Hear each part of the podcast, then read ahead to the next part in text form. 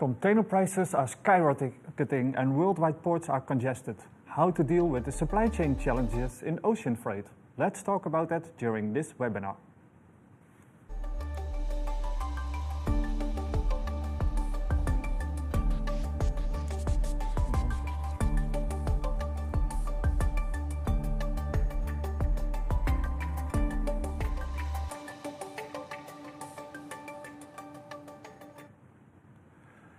Hello, good morning, and welcome to this webinar that we organize in cooperation with Zencargo. Shippers who use ocean freight have more challenges than ever before. They have to pay record amounts for their cargo and cope with a lot of delays. What are the outlooks? How to handle this? How does this affect the worldwide supply chains? And how will the market find a new equilibrium?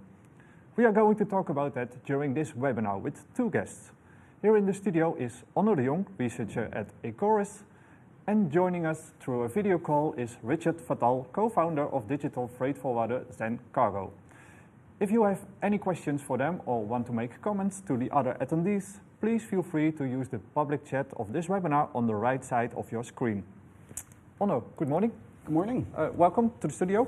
Yeah. Um, just for the people who don't know Ecorys, uh, can you give us a quick introduction? Uh, well, the very quick introduction. We're a Rotterdam-based uh, consulting and research firm. Uh, actually, also quite some offices in the UK, uh, and I'm part of the transport and logistics team, where we advise our clients, who are mainly governments or port authorities, on yeah, the global affairs and the state of play in uh, logistics. So very happy to be here with you this morning. Okay, so we're going to talk about all of the current developments extensively. Uh, first, I want to welcome uh, Richard Fattal. Uh, Richard, thank you for joining us digitally. Thanks so much for having me on. Can you ju just give us a short introduction of Zencargo? Who are you guys? Sure thing. So Zencargo is a global digital freight forwarder, and uh, we're based headquartered in the UK, but with European headquarters in Amsterdam. And we help uh, some of the world's fastest growing consumer businesses to move their cargo around the world, and with a real focus on uh, agility at the item level for those businesses. Okay, Richard, great. So let's uh, kick off then. Uh, let's first talk about the bottlenecks in ocean freight at the moment. Um, Onno, what are the problems? Well, What's going wrong? Congestion is a very big thing, especially I mean in North America. Probably uh, also Zencargo will have will have quite some experience with it now. Se more than 70 ships uh, waiting at LA Long Beach. Uh, also within Europe, I mean, there are more ports to choose from, but still we see uh, we see delays, uh, capacity constraints, especially also in hinterland logistics. So, and if your uh, container is, is shipped and arrived on time, it's, it comes with a hefty fee. So, as you said, it's tremendous challenges for the industry. Yeah, and what's causing all this? It's, it's, it's after two years, can we still blame the COVID pandemic? Uh, well, to some extent, maybe the bullwhip, the bullwhip effect we're seeing is that at the start of the pandemic, we saw massive cancellations of orders, uh, ocean liners cutting back on schedules, hefty recovery, uh, and, and still we see the after effects of it, and, and the tremendous price increases. Yeah, that's, that's something, it's a combination now. Yeah, yeah, and you have two sides. One side says, well, there's a big increase in, in cargo volumes, mm-hmm. um, so the, the, the, supply chains are not able to handle this. And there's another side of the sector that says uh, maybe the shipping lines are uh, make, uh, making too much profit at the moment and taking a little bit more benefit of the mm-hmm. current situation. Which side are you on? I think there's something to say for, for both sides. I mean, five years ago, we were discussing that the Christmas season uh, was in danger because of the Hanjin uh, went bankrupt. And now we're seeing massive profits. I mean, after it is understandable that these container liners, that their shareholders are saying, okay, pl- please make a, make some profits to recover from for, from a couple of years that have been rather bad. Um, but on the other side, I mean, everybody is now trying to make the best out of it, and then the combination. I can understand the behavior of all the single players, but from a supply chain perspective, yeah, then things tend to get wrong. Yeah, so what's the outlook? Will it stay like this for the next year or maybe for the next two years, or will, we, uh, will it get better? Well, if, if, if we look, for instance, air cargo, IATA is very positive from their perspective, so from the, from the perspective of the airlines on what will, go, what will be going on. I think we saw a little decrease in the Shanghai Containerized Freight Index last week. I mean, we're waiting for this week's figure, but it remains at a very high level. So I don't see tariffs coming down anytime soon, uh, especially given, as you said, the very high demand for, uh, for, space, both in, in air freight, uh, ocean, yeah. even rail. So we need to learn to cope with this. So, Richard, um, of course, you, you, you talk with shippers uh, on a daily basis. How can they balance price, security, and flexibility? Because the market needs to find a new equilibrium, it seems. Yeah, 100%. So it's, it's interesting, you know, what you were saying with regards to the ocean carriers and, you know, being a time of all-time profitability. I think there's a broad structural challenge in ocean, which is that um, not only do you, as a shipper, you know, find it difficult um, to commit to to, to, to, whether your cargo and your volume is, going to be ready in you know any given week. You might not own your own manufacturing capacity. Um, there are challenges at manufacturers. You know, right now we see electricity uh, shortages in China as an example. Um, but also as a shipping line, there's a challenge that you know you might not be able to get the vessels um, into the port as per the original schedule. So there's a challenge which is quite different to, for example, the consumer air industry where you you know you buy an air, uh, airline ticket you pay for the airline ticket and you you pretty much have to turn up. You know there are some cancellation policies you can maybe cancel at the last minute but you know by and large you'll pay you know quite a hefty cancellation fee if you cancel. The ocean shipping industry hasn't really worked like that. It's worked uh, you know in a way where um, there's a lot of different tariffs uh, there's a lot of different um, uh, you know terms and conditions depending on the nature of the shipper and depending on the way you work with the shipping line. And they've really you know found it difficult for these structural reasons to get to a world where the shipper and the shipping line are happy to kind of agree and commit and work together. And that's kind of the security that you you you know we're talking about here. And i think that shipping uh, shippers need to be kind of realistic about the challenges that shipping lines face but also realistic about the agility that they need in their own business so what i think is very interesting right now is that um, shipping lines have started to look at ways of working with shippers that are a little bit more contractual. So, uh, for example, you know, over the last few months and going into next year and the year beyond, they're looking at ways to have longer term contracts uh, with uh, shippers. And they're looking at ways in which shippers might contract uh, and have to pay, for example, dead freight charges if the cargo doesn't move. What I would say is that um, shippers should be looking at these options, but they should also be um, looking at, uh, you know, taking a certain proportion of their volume and not contracting that part of their volume and thinking about having you know agility and variability and options. Mm-hmm. And I think um, essentially, you know, one part is the contracting strategy. How do you have the right the right options, and how do you work with a, a forwarding partner who can help you have the right options? So, you know, part of your volume might be contracted where you feel there's more stability and more ability to commit. Mm-hmm. Part of it might be more fluid where you need to get um, you know options at the last minute and you need to get access to new carriers particularly in ocean, there are some small carriers that have come to the market where they can get you space on a vessel really at the last minute. And so your forwarder should be plugging you into that. And then I would say the last thing that you really need is the flexibility um, in the way that you work. And that comes through uh, data and forecasting and your booking strategy to be able to take advantage of having some longer term committed volume and some volume that you can move uh, a little bit more at the last minute. So I would say for a larger shipper, you need a variety of options, and you need to think about over the longer term, um, what proportion of your business do you need to have a certain amount of certainty over in terms of cost of goods sold and availability of inventory? And what part are you willing to be a bit more flexible on in order to maximize margin if potentially the market does slacken towards the end of this, uh, you know, coming year and beyond that? Yeah, and I can imagine that for a large shipper, that uh, it's it's more easy. They have a whole supply chain department. But what about uh, small to medium businesses? Um, what can they expect uh, during this time? What do they need to do? Yeah, so I would say, you know, one of the things uh, that we've seen through the COVID crisis is that, you know, the best made plans have gone out the window from a planning perspective. And I think the big gap is in this um, like agile execution capability to understand what's going on around the world at your global manufacturers and be able to make last minute decisions. And I would say that they um, should very much like look to their supply chain partners mm-hmm. to help them to be more uh, to be more agile and to be able to make decisions closer to the time to the last time that they can possibly make them. If that if uh, if that makes sense. So that, you know that's really where the agility uh, agility comes from. So I think that they should certainly um, look to those partners to first of all have connectivity around the world, but also to have systems connectivity um, to their factories, so that they can really understand okay what is ready where, what are the available options on the market, and how can I pivot or how can I be a little bit agile here to make a decision because that's not a capability that a small and medium-sized business will really have in-house, both in terms of systems, but also in terms of their, you know, people capabilities and the geographies that they're working in. Yeah. So, Richard, there's a question from the, from the audience uh, coming in, uh, Ronnie Koolhorst, and he wants to know uh, how will the carriers now ensure that they will honor the new contracts because the contracts so far were worthless?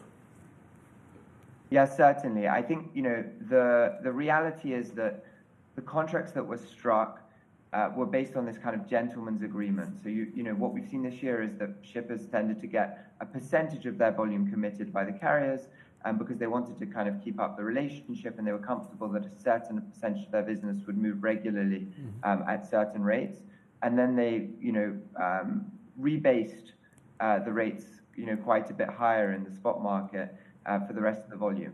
I think what we're seeing now is that carriers are open to entering into a couple of different types of contract. I think one will remain a little bit more on this gentleman's agreement type approach, where you know you can be assured of a certain percentage of the volume. Now, that's also subject to the reality of the um, sailing schedules, which have, you know, obviously the reliability of the sailing schedule has been terrible this, you know, this year. Um, and so some of the volume, you know, some of the volume that they will sign up to um, with shippers will be on that basis. You know, they'll want to continue working on that basis, more of a gentleman's agreement. Um, but there are there is some volume that they're, they're willing to move on a committed basis, which means that there would be a penalty if um, you as a shipper don't turn up with cargo, but also a penalty if they don't um, make available the space. But of course, there are some caveats around that with regard to you know things out of their control around this you know around the sailing schedules. So I would say it is important to have some agility in your volumes because um, you know the, the carriers work on different alliances and different loops, and so if one vessel or one um, carrier is delayed, uh, you know there is and you have urgent cargo, you do need to have some agility to be able to move it sooner. Yes. So, Richard, uh, thanks for now. We'll talk to you uh, later on because I want to move mm-hmm. to Onno. Uh, because Han Boers makes a remark isn't it also the case that currently the alliances simply use their power? What do you think? Yeah, that's always a very hard. If an economist, you say uh, it, it, somebody has a lot of market power, it all it all always leads to the question: Okay, is it abuse of market power? And that's something I think that that's a bit out of scope. But indeed, in the end, you have a market where you can only go to three major players, uh, and that's not not a good thing. I mean, one of the responses has been that logistics services providers or forwarders they just charter their own vessel. So you saw relatively small vessels, 3,000 TEUs, being chartered and then uh, making direct calls from a Chinese export port to somewhere in Europe. Uh, that can be a reaction. Is, is, uh, that a solution? Because it's not scalable, it seems to me. No, in the end, it's not a solution, and it's, it, it only works if you're a very large forwarder that you, can, that you can do so. So, indeed, your question about the SMEs is very relevant. What can small businesses do uh, if you're stuck between having to negotiate. You, you can't negotiate directly, you can with the big carriers, but then you know that your rate will not be that attractive. What can your logistics service provider do for you? And that's that's quite a hassle, I can imagine, at this moment. Yeah, yeah. And, and how are the ports handling the situation? Because we are receiving messages of more than 100 ships waiting in line yeah. to, to, to, enter Long Beach. And in, in Europe, maybe the problem is not so big, but in, in the UK, uh, in, uh, yeah. there, there, are a lot of uh, congestion. So, how are they handling this? Uh, the problem is you, you, you see both of course, you see uh, from, from, at the terminals you see congestion, and furthermore in the hinterland, and especially in the U.S., uh, you see that uh, the shortage of truck drivers is not limited to the U.K. It's also quite a problem now in the U.S. that you have to, uh, or rail yards that get congested. So if you can if you can move the cargo into the port, it doesn't mean it's at the distribution center yet. So I, I have to admit that from a Rotterdam perspective, because normally in this time of the year we always have these debates and discussions on the, air, the, the, congestion. And this year, but that's maybe also a, a question for me to, to the audience, we haven't heard that many very alarming signals. I mean, we can imagine things are not going that well, but it's not uh, that, that alarms were, uh, were, were, sounded or in, in proper Dutch, the noodklok was geluid. It's, it's not a, as bad as it, seemed, as it seemed like three years ago. Mm. So that's big, quite a compliment also to the sector that in the end, uh, things, are, things are moving. Yeah, yeah. Just checking if Richard is still on the line. I am. Can you see me? Ah, yeah, yeah. So, Richard, um, as, as we were discussing here, it's, it's difficult for, for shippers to know when their cargo arrives because you book a, a, a freight load and then uh, you expect it to arrive maybe on the 21st, but due to congestion in the ports, uh, you never know at the moment when it's, it's actually arriving. So, how can you still uh, make sure the customer service and communication with shippers uh, and commu communicate those delays? Because delays and pricing change per minute, it seems, at the moment. Yeah, so I would say, you know, I, I think great customer service comes from understanding your customer, and that's the number one thing. And so, you know, the difficulty in this market is that these uh, these businesses, whether you're a kind of uh, consumer retailer, e-commerce business, they, their underlying customers, their end customers, are demanding and have ever higher expectations. And so, you know, we need to understand the underlying reason why they need the information and who needs the information, and that's where you know where good customer service comes from. So, is it the buying and merchandising team at a retailer who need to uh, you know get stock in because it's going absolutely out of stock and there's uh, you know a marketing campaign that's running and this is the hot item? Um, is it you know the uh, business-to-business sales team that's promised the stock to their favorite customer. Why is it, and what is the impact? And I think once we understand that, then that helps to inform uh, the kind of SLAs and the kind of communication timelines and the level of communication and proactivity that we need to deliver for the customer. I think some of the information, um, you know, is best digested uh, almost automatically. So, you know, we have customers, for example, who are selling furniture where the update in the vessel ETA flows through via API and then is fed to their end customers via email, telling them that, you know, unfortunately, this sofa is not going to arrive um, because of this particular delay, uh, you know, on the water. And actually, the end customers can kind of understand that because they see it in the news. What they don't want is to be left in the dark. Um, other times, it's much more about a conversation. So having the availability of data, for example, um, you know, on a system, but then being able to highlight the things that are going to impact them and come with solutions, you know, before you're being asked. And so I think it depends on the situation, what the right uh, solution is. But it's really, it really all comes down to understanding what the impact of the delay or the issue or the service problem is on their business, and then having a solution, you know, ready in hand. Um, you won't always have all the solutions, right? Like if there are 100 vessels off the port of Long Beach and you're, you know, you're on one of them, it's a challenge. But then the question is, how can you plan around that? You know, do you need to bring more stock in by air freight? Um, you know, how do you get things ready for when the cargo finally gets into Fort Devand, into the warehouse? So I, I would say it's about understanding the stock and understanding the customer. And if you understand that and you have the right attitude, then you can deliver. Um, of course, you need an understanding customer as well in the context of the current market environment. Yeah. What do you think is the difference between businesses that still have a strong supply chain and maybe the ones that you see struggle uh, at the moment?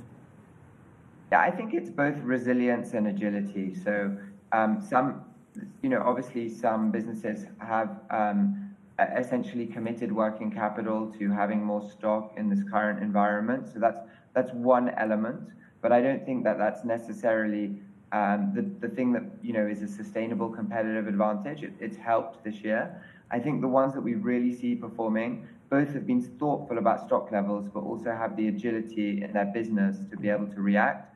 And I think that comes from attitude. Like I think at the board level, um, at the you know executive team level, at the leadership level, there needs to be a commitment that like supply chain agility, access to data, bringing everyone around one version of the truth to make decisions is something that the business is really important to the business. And then we've seen those businesses that really care about um, those capabilities having a having a real advantage in this market because they've been able to decipher, you know, what it makes sense to move faster, what they can hold back, and, and make those decisions. So I think that you know one thing is being able to obviously invest in stock, but the other is is having the agility where you don't need to make those stock investment decisions to be able to change things closer you know, closer to the time. Yeah. So let's uh, make this uh, webinar a bit more interactive and let's see what the opinion of the audience is. So for that we have a poll set up for you.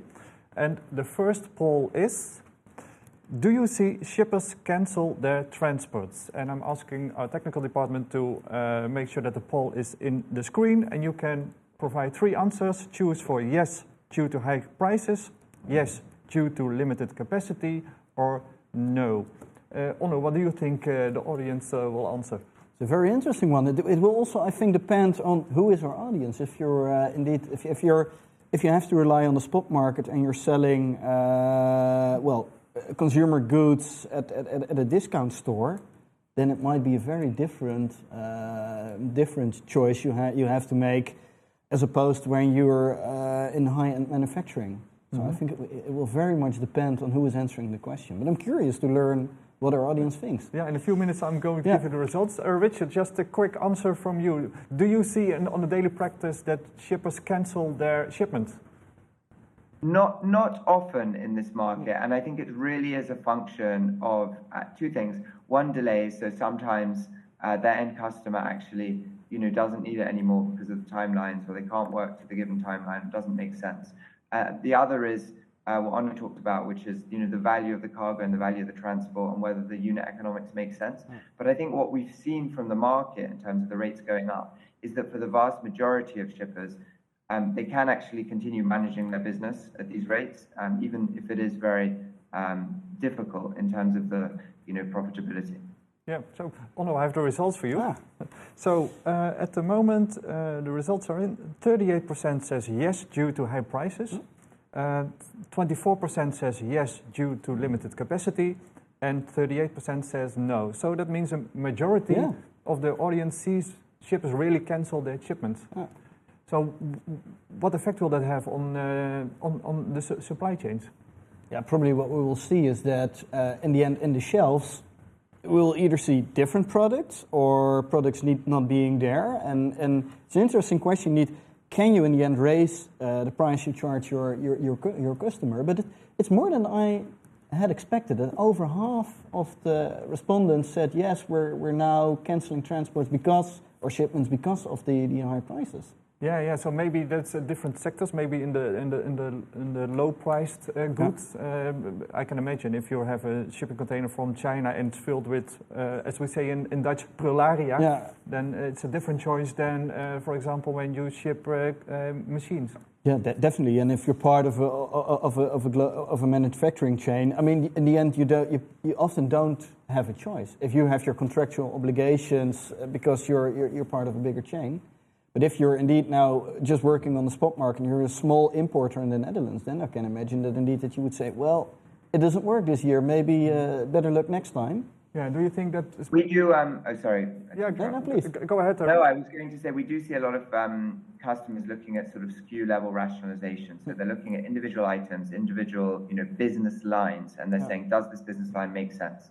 Uh, do I need to look at alternative manufacturing or locations for this business line?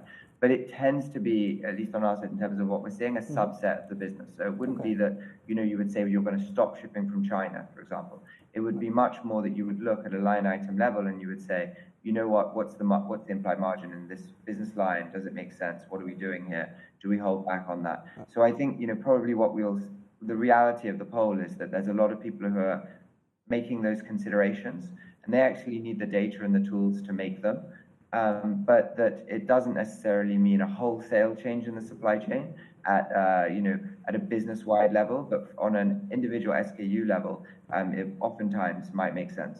Yeah, and uh, Richard, do you see businesses uh, invest in their supply chains uh, going forward to, to make sure that um, yeah they have the items they need? Yes, certainly. I mean, we do see, we did see, and, and you know, obviously we lived through uh, multiple Brexits uh, over here in the UK, and that was an example of a time when there was a lot of investing in the supply chain, um, overstocking, uh, stocking ahead of the, the many Brexit deadlines we had. But I would say more broadly, yes, like the stock policies in terms of the month of months of inventory cover have generally increased in terms of the months of inventory cover that people are willing to hold. So there are investments uh, going on in that regard. Yeah, yeah.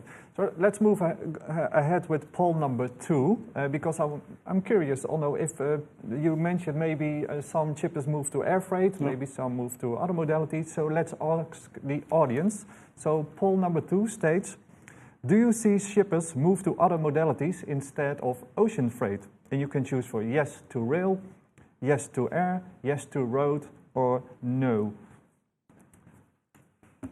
What do you think? Onno. Well, I, I, in the past, we would say that indeed uh, moving to, to rail was a very feasible option, uh, especially in. We have uh, the new Silk Road. Yeah, of uh, course, de definitely. Uh, and, and what we saw earlier this year was that price increases by rail were less hefty uh, because it's, it's, it's less of a flexible market. So indeed, you have you, you have less players who can who can arrange this transport for you. But it was an option. But on the other hand the success of the shift to rail meant that also there is our congestion, uh, capacity constraints at border points, etc. So I'm curious, in air freight, there indeed the pandemic kicked in very hard with limiting capacity, with of course all the belly freight not being available, uh, yeah, massive run on full freighters. Yeah, and they even put some cargo on the passenger Yeah, they put, they put, out the chairs and put in, uh, uh, put, put, in. Well, you, you can't fit the cargo containers, but still you can fit a lot of cargo uh, in there. And given there the high prices, indeed, on a stock keep on a SKU level, you have to ask yourself the question: Is it viable to look for an alternative? Yeah, is it Richard? Do you see shippers uh, switching to, for example, air freight? Yes, certainly. I mean, for some items, uh, you know, it, the, the difference, and obviously it depends on kind of the weight and the, the, the density of the items, and the difference between air freight and sea freight has obviously narrowed, uh, you know, through the COVID period. And um, whilst uh, during COVID, when the PPE was flying around, we saw astronomical air freight rates.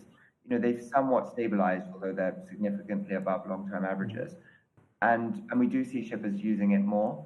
Um, the you know, the interesting thing, I guess, is that uh, a lot of the a lot of the airlines have relied on you know air freight as a product uh, you know through the through the pandemic period and and this kind of shift to increased volumes of air freight because of the yeah you know the crunch in ocean freight capacity has helped uh, very much support them and I think modeling that and understanding that going forward is going to be very important for them in terms of you know understanding their profitability as well. Yeah, and there's a question from the audience from Bjorn Lahaye, and he wants to know how about equipment av availability? Is it still an issue? Are there uh, uh, the, are enough containers at the moment? Because a few months ago that was really an issue.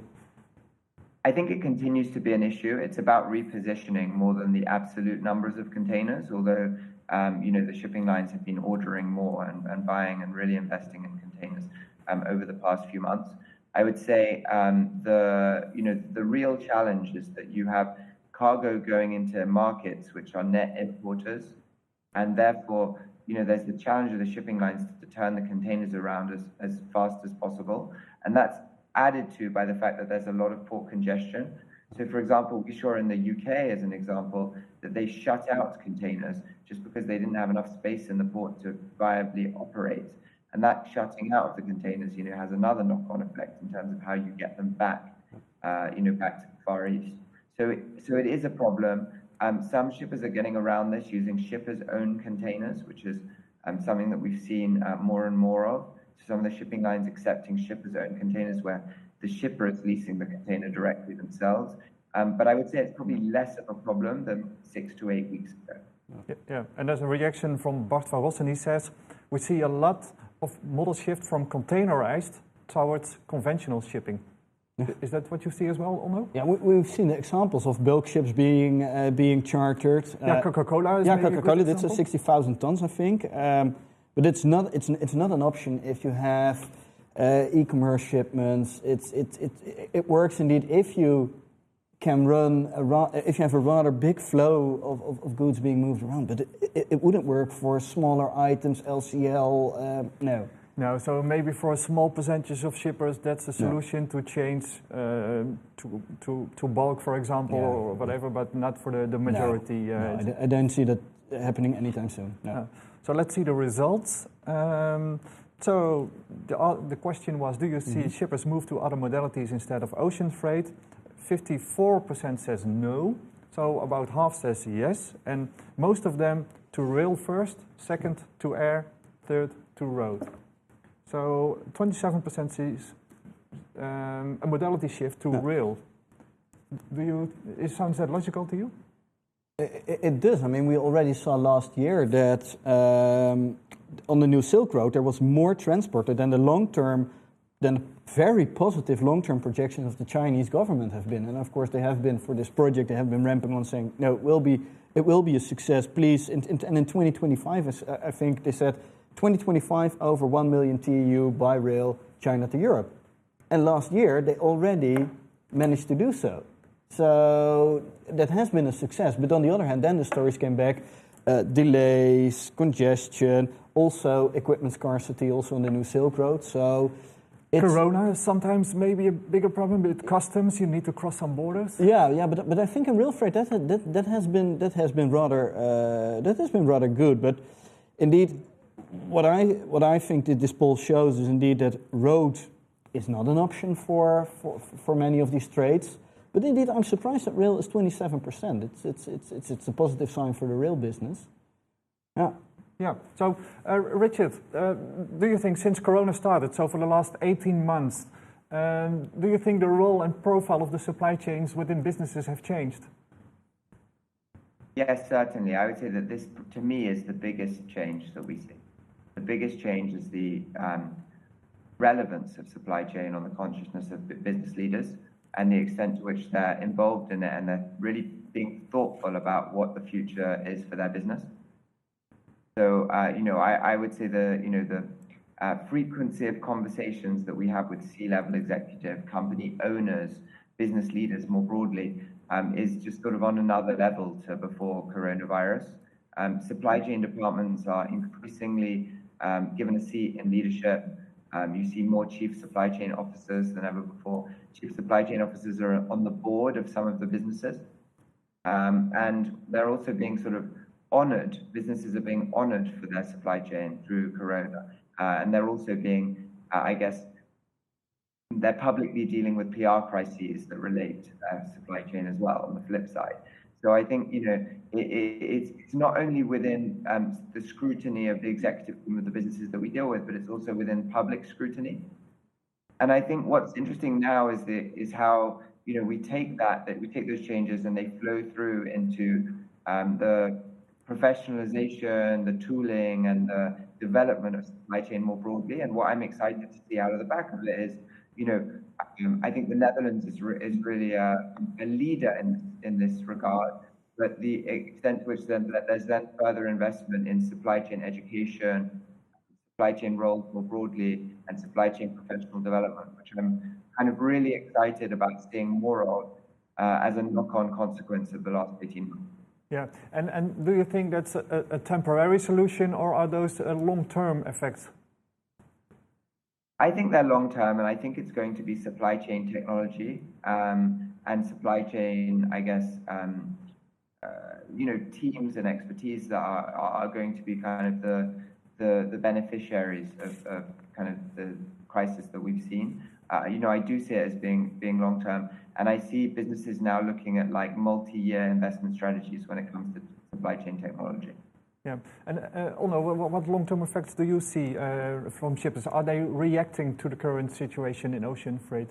I, I think, I mean, uh, there always have been have, have, have been problems in the logistic chains. So the often heard, and I think we'll maybe we'll tackle that, tackle that later. But do you move your supply chain? Do you make it less uh, less global, more local? Uh, that, that's something we've we've been hearing now for, for years, and it's always will this be the wake up call that you actually change your supply chain from a, with a sourcing strategy based in the Far East back to home? Uh, we've seen very differing uh, signals on that. Uh, and of course, it's a very hard thing to do. I mean, if you're used to, to having your, your sourcing networks indeed in the Far East, it's, not, it's often not an easy thing to say, okay, is there somebody in Europe who can do this? Or is there somebody in the US who can supply my local market with the same product the- at a competitive price? Yeah, the, the question is not only price, but do we have production capacity and even the commodities in, Yeah. in Europe that's Yeah. needed for And, production? and, and, and are we then willing to pay a higher price because of higher manufacturing costs uh, it's, it's always, I think, it's a balance between supply chain security and, of course, cost effectiveness. Yeah, Let, let's see what the audience uh, sees in their field. So I'm asking technicians to start a third poll. And the third poll states Do you see shippers move to nearshoring? Yes, but only thinking about it. Yes, and I already see concrete actions of them, or no. So I'm curious what uh, the audience thinks. Richard, uh, what do you think? Is, is nearshoring a, a long term solution, or will we just keep on having our production in the Far East? I see it as a solution for part of the uh, part of the product catalog. So, for example, um, especially in the retail space, like personalization, um, you know, uh, niche products, we do see, you know, a move to nearshoring because you just have a faster supply chain and you can incur, you know, you can wear the additional cost that's involved. I think there uh, you know, some hubs, manufacturing hubs in Europe that are developing in particular uh, areas where they're actually they've been able to, um, you know, be quite cost competitive, and now they're achieving quite a lot of scale as well. So, um, you know, I do see, for example, in apparel, some of that continuing. Uh, it's like, you know, particularly in the higher higher end part of the market. Um, but I would say that you know there is a lot of expertise in the Far East that cannot easily be replicated, both in terms of manufacturing processes and technical skills. And um, you know when our customers have been visiting factories in Europe and having those conversations and trying to understand if a particular SKU can be made in Europe, oftentimes the answer is actually no. Uh, it can't be made at a similar or you know comparable cost, and sometimes it can't be made at all. So I think it's it's a bit of a mixed answer, but I think everyone will be thinking about it and looking at it, having those conversations. But I don't see a wholesale change in the immediate term. Yeah, and right now we are approaching the, the holiday season. Uh, Black Friday, uh, Cyber Monday, and so on is, uh, is uh, coming uh, close, and all those products should be loaded in, in, in Shanghai, for example, right now. Should we be worried for empty web shops, out of stock articles during the holiday season, do you think? Look, I think there are going to continue to be some delays, and so you know certain items might might run low on stock. I think the supply chain is moving, um, but certainly, yeah, there are capacity you know there are capacity constraints. So I would imagine that the supply chain remains in the headlines for the Yeah. coming months. Yeah. So Onno, we, we had a look at the, the BIMCO uh, analysis, and there were some graphs, and they said, well, of course there's congestion a lot, but they, and people are saying that some shipping lines are taking ships out of uh, out of business at the moment, but. According to BIMCO, that Mm. wasn't true. They uh, showed that there is even more capacity um, uh, deployed at the moment. Yeah, it's an interesting one. Indeed, the idle capacity, so ships actively being taken out of service, that was really low at the moment. But ships waiting uh, at LA Long Beach, if you have 70 ships, that's 70 times, let's say, average 10,000 TEUs. Yeah, at least. Yeah, at the moment. least. That adds up to a lot of idle capacity. So, uh, And so the number of ships is increasing, but the capacity is slowing yeah, down because, because, because of all in all the slack in the supply chain at the moment. So that's that, that that's one interesting uh, remark. But, but, but still, I'm, I'm not. We, we, we, had, we touched it a little bit in Mhm. the beginning of this webinar, but what is really causing all those delays at the port? Yeah, I, I, I would say that it's now at the moment it's it's a combination of still some blank sailings, indeed delay go, going. Uh, not meeting your, your estimated time of departure at the port of departure. Um, dus is your, if, if your cargo is at the berth, can it go to a, to a hinterland destination, or is it stuck for already a couple of days at the port and then waiting for further transshipment?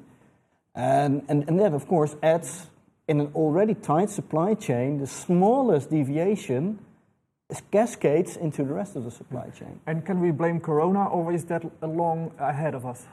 Yeah, a yeah, yeah who, st who, who started? When the first reaction was, okay, so uh, shippers saw Corona kicking in, canceling orders.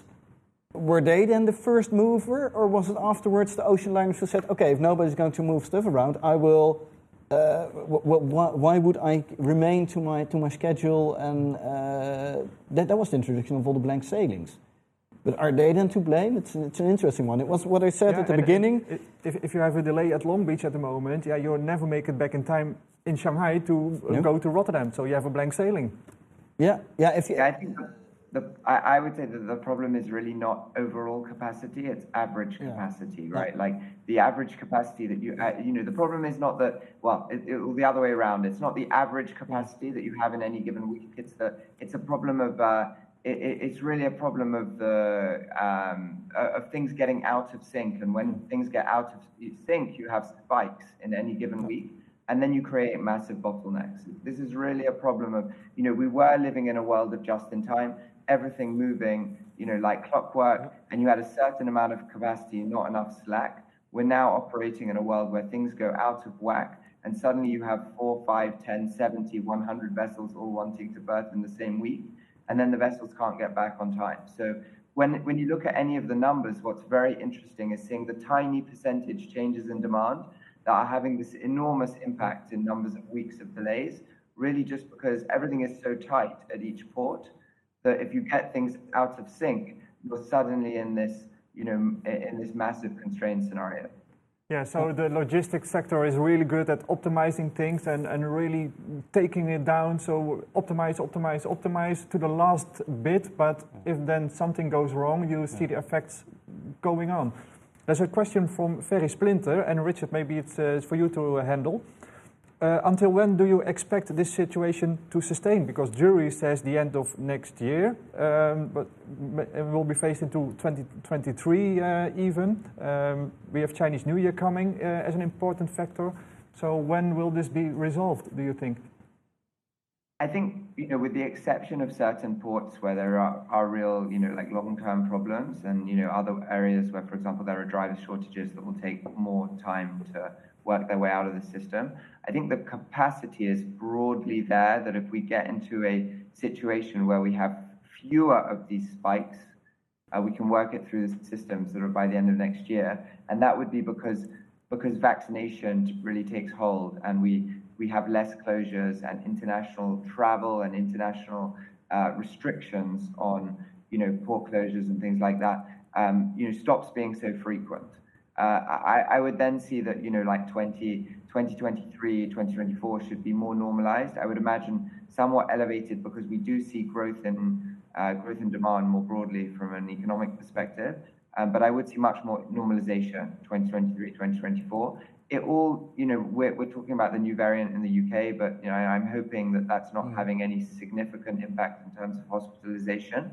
Um, if everyone can get comfortable with that globally, and we can go back to somewhat more normalized, you know, frequency of actual physical closures, uh, you know, I do think that things will start to normalize towards the back end of 2022. Uh, what I would say is that this electricity crunch in mm. China is something that's on my radar as being something to think about.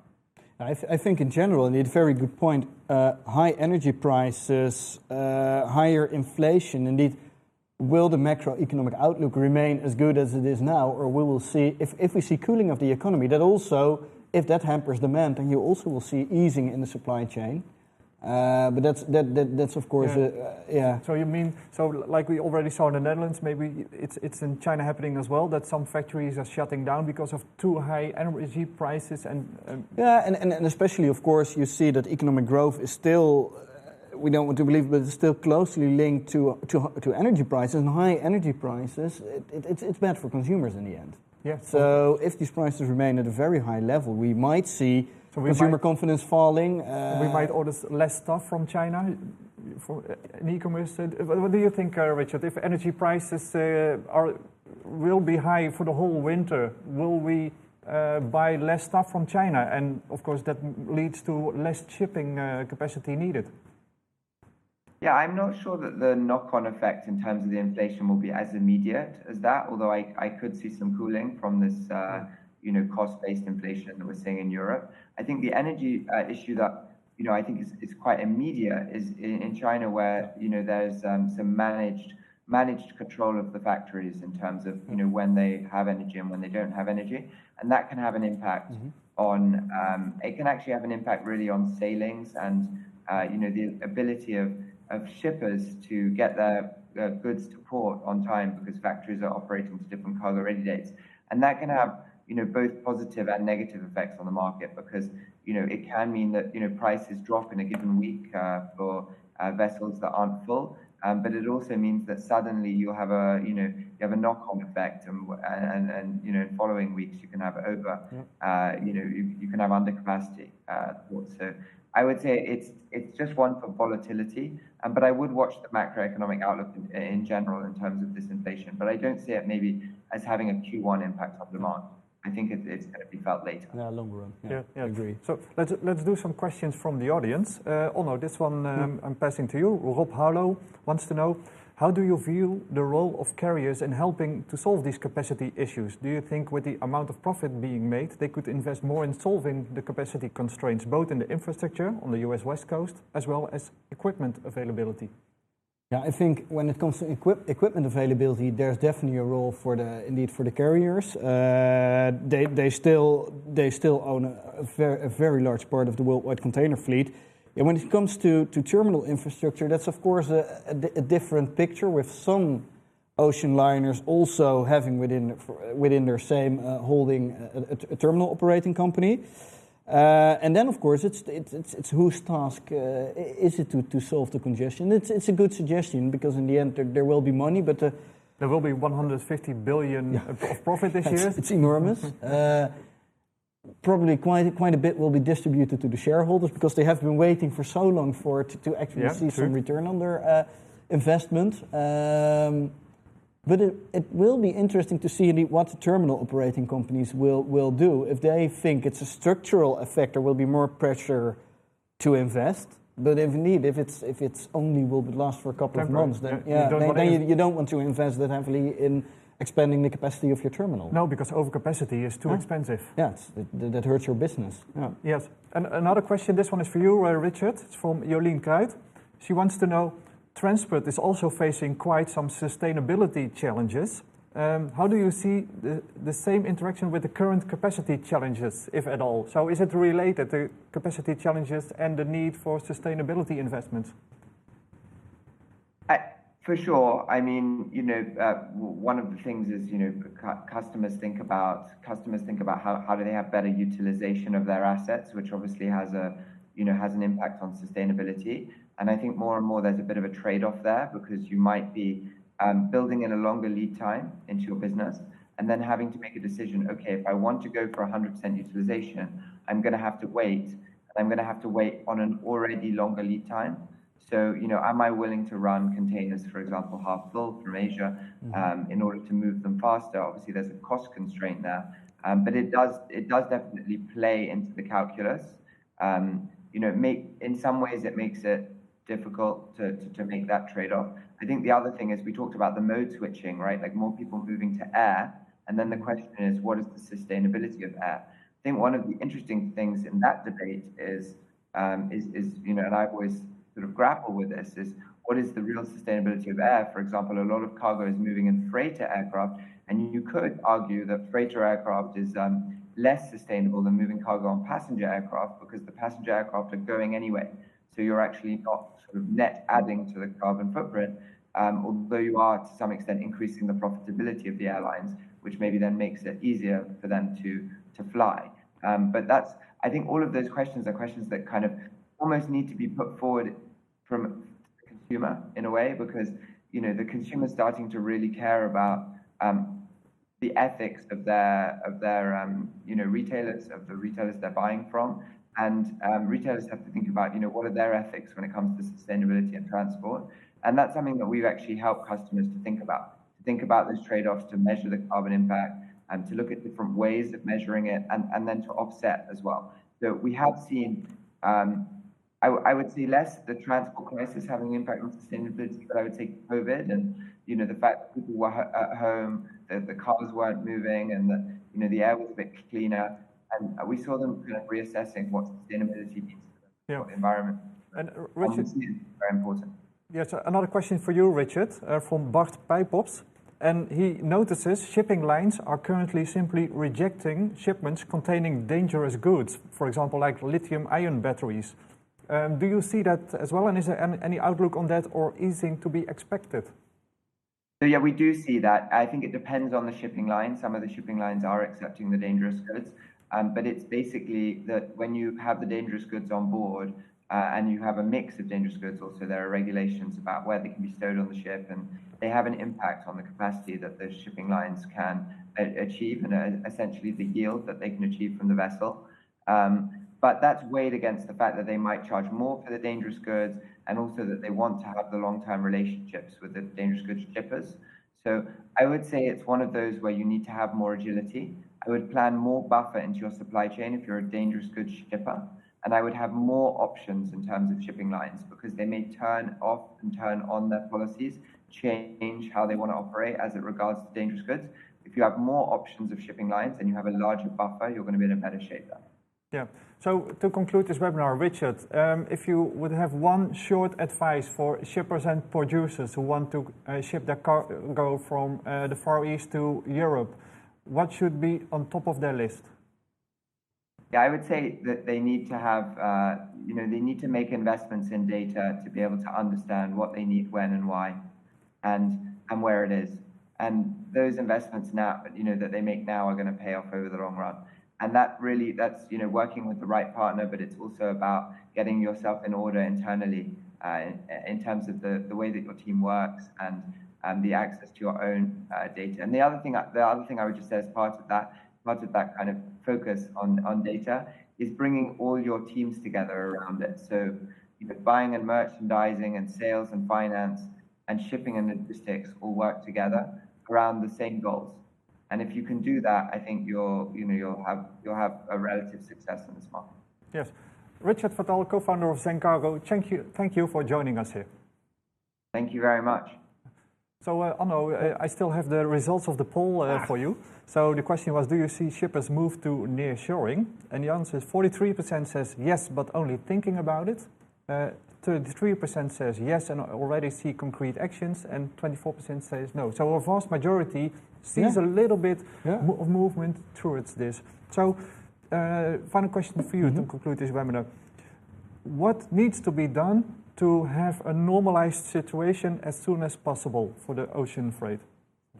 First, I think part of it, part of it was already addressed, but uh, you can, in the end, you can change your own behavior, and everybody is thinking not about, only about the day of tomorrow, but especially the day after tomorrow. That might that might help the situation because still, what you often see, and there, there, there's no one to blame there, but in logistics, the horizon is very short.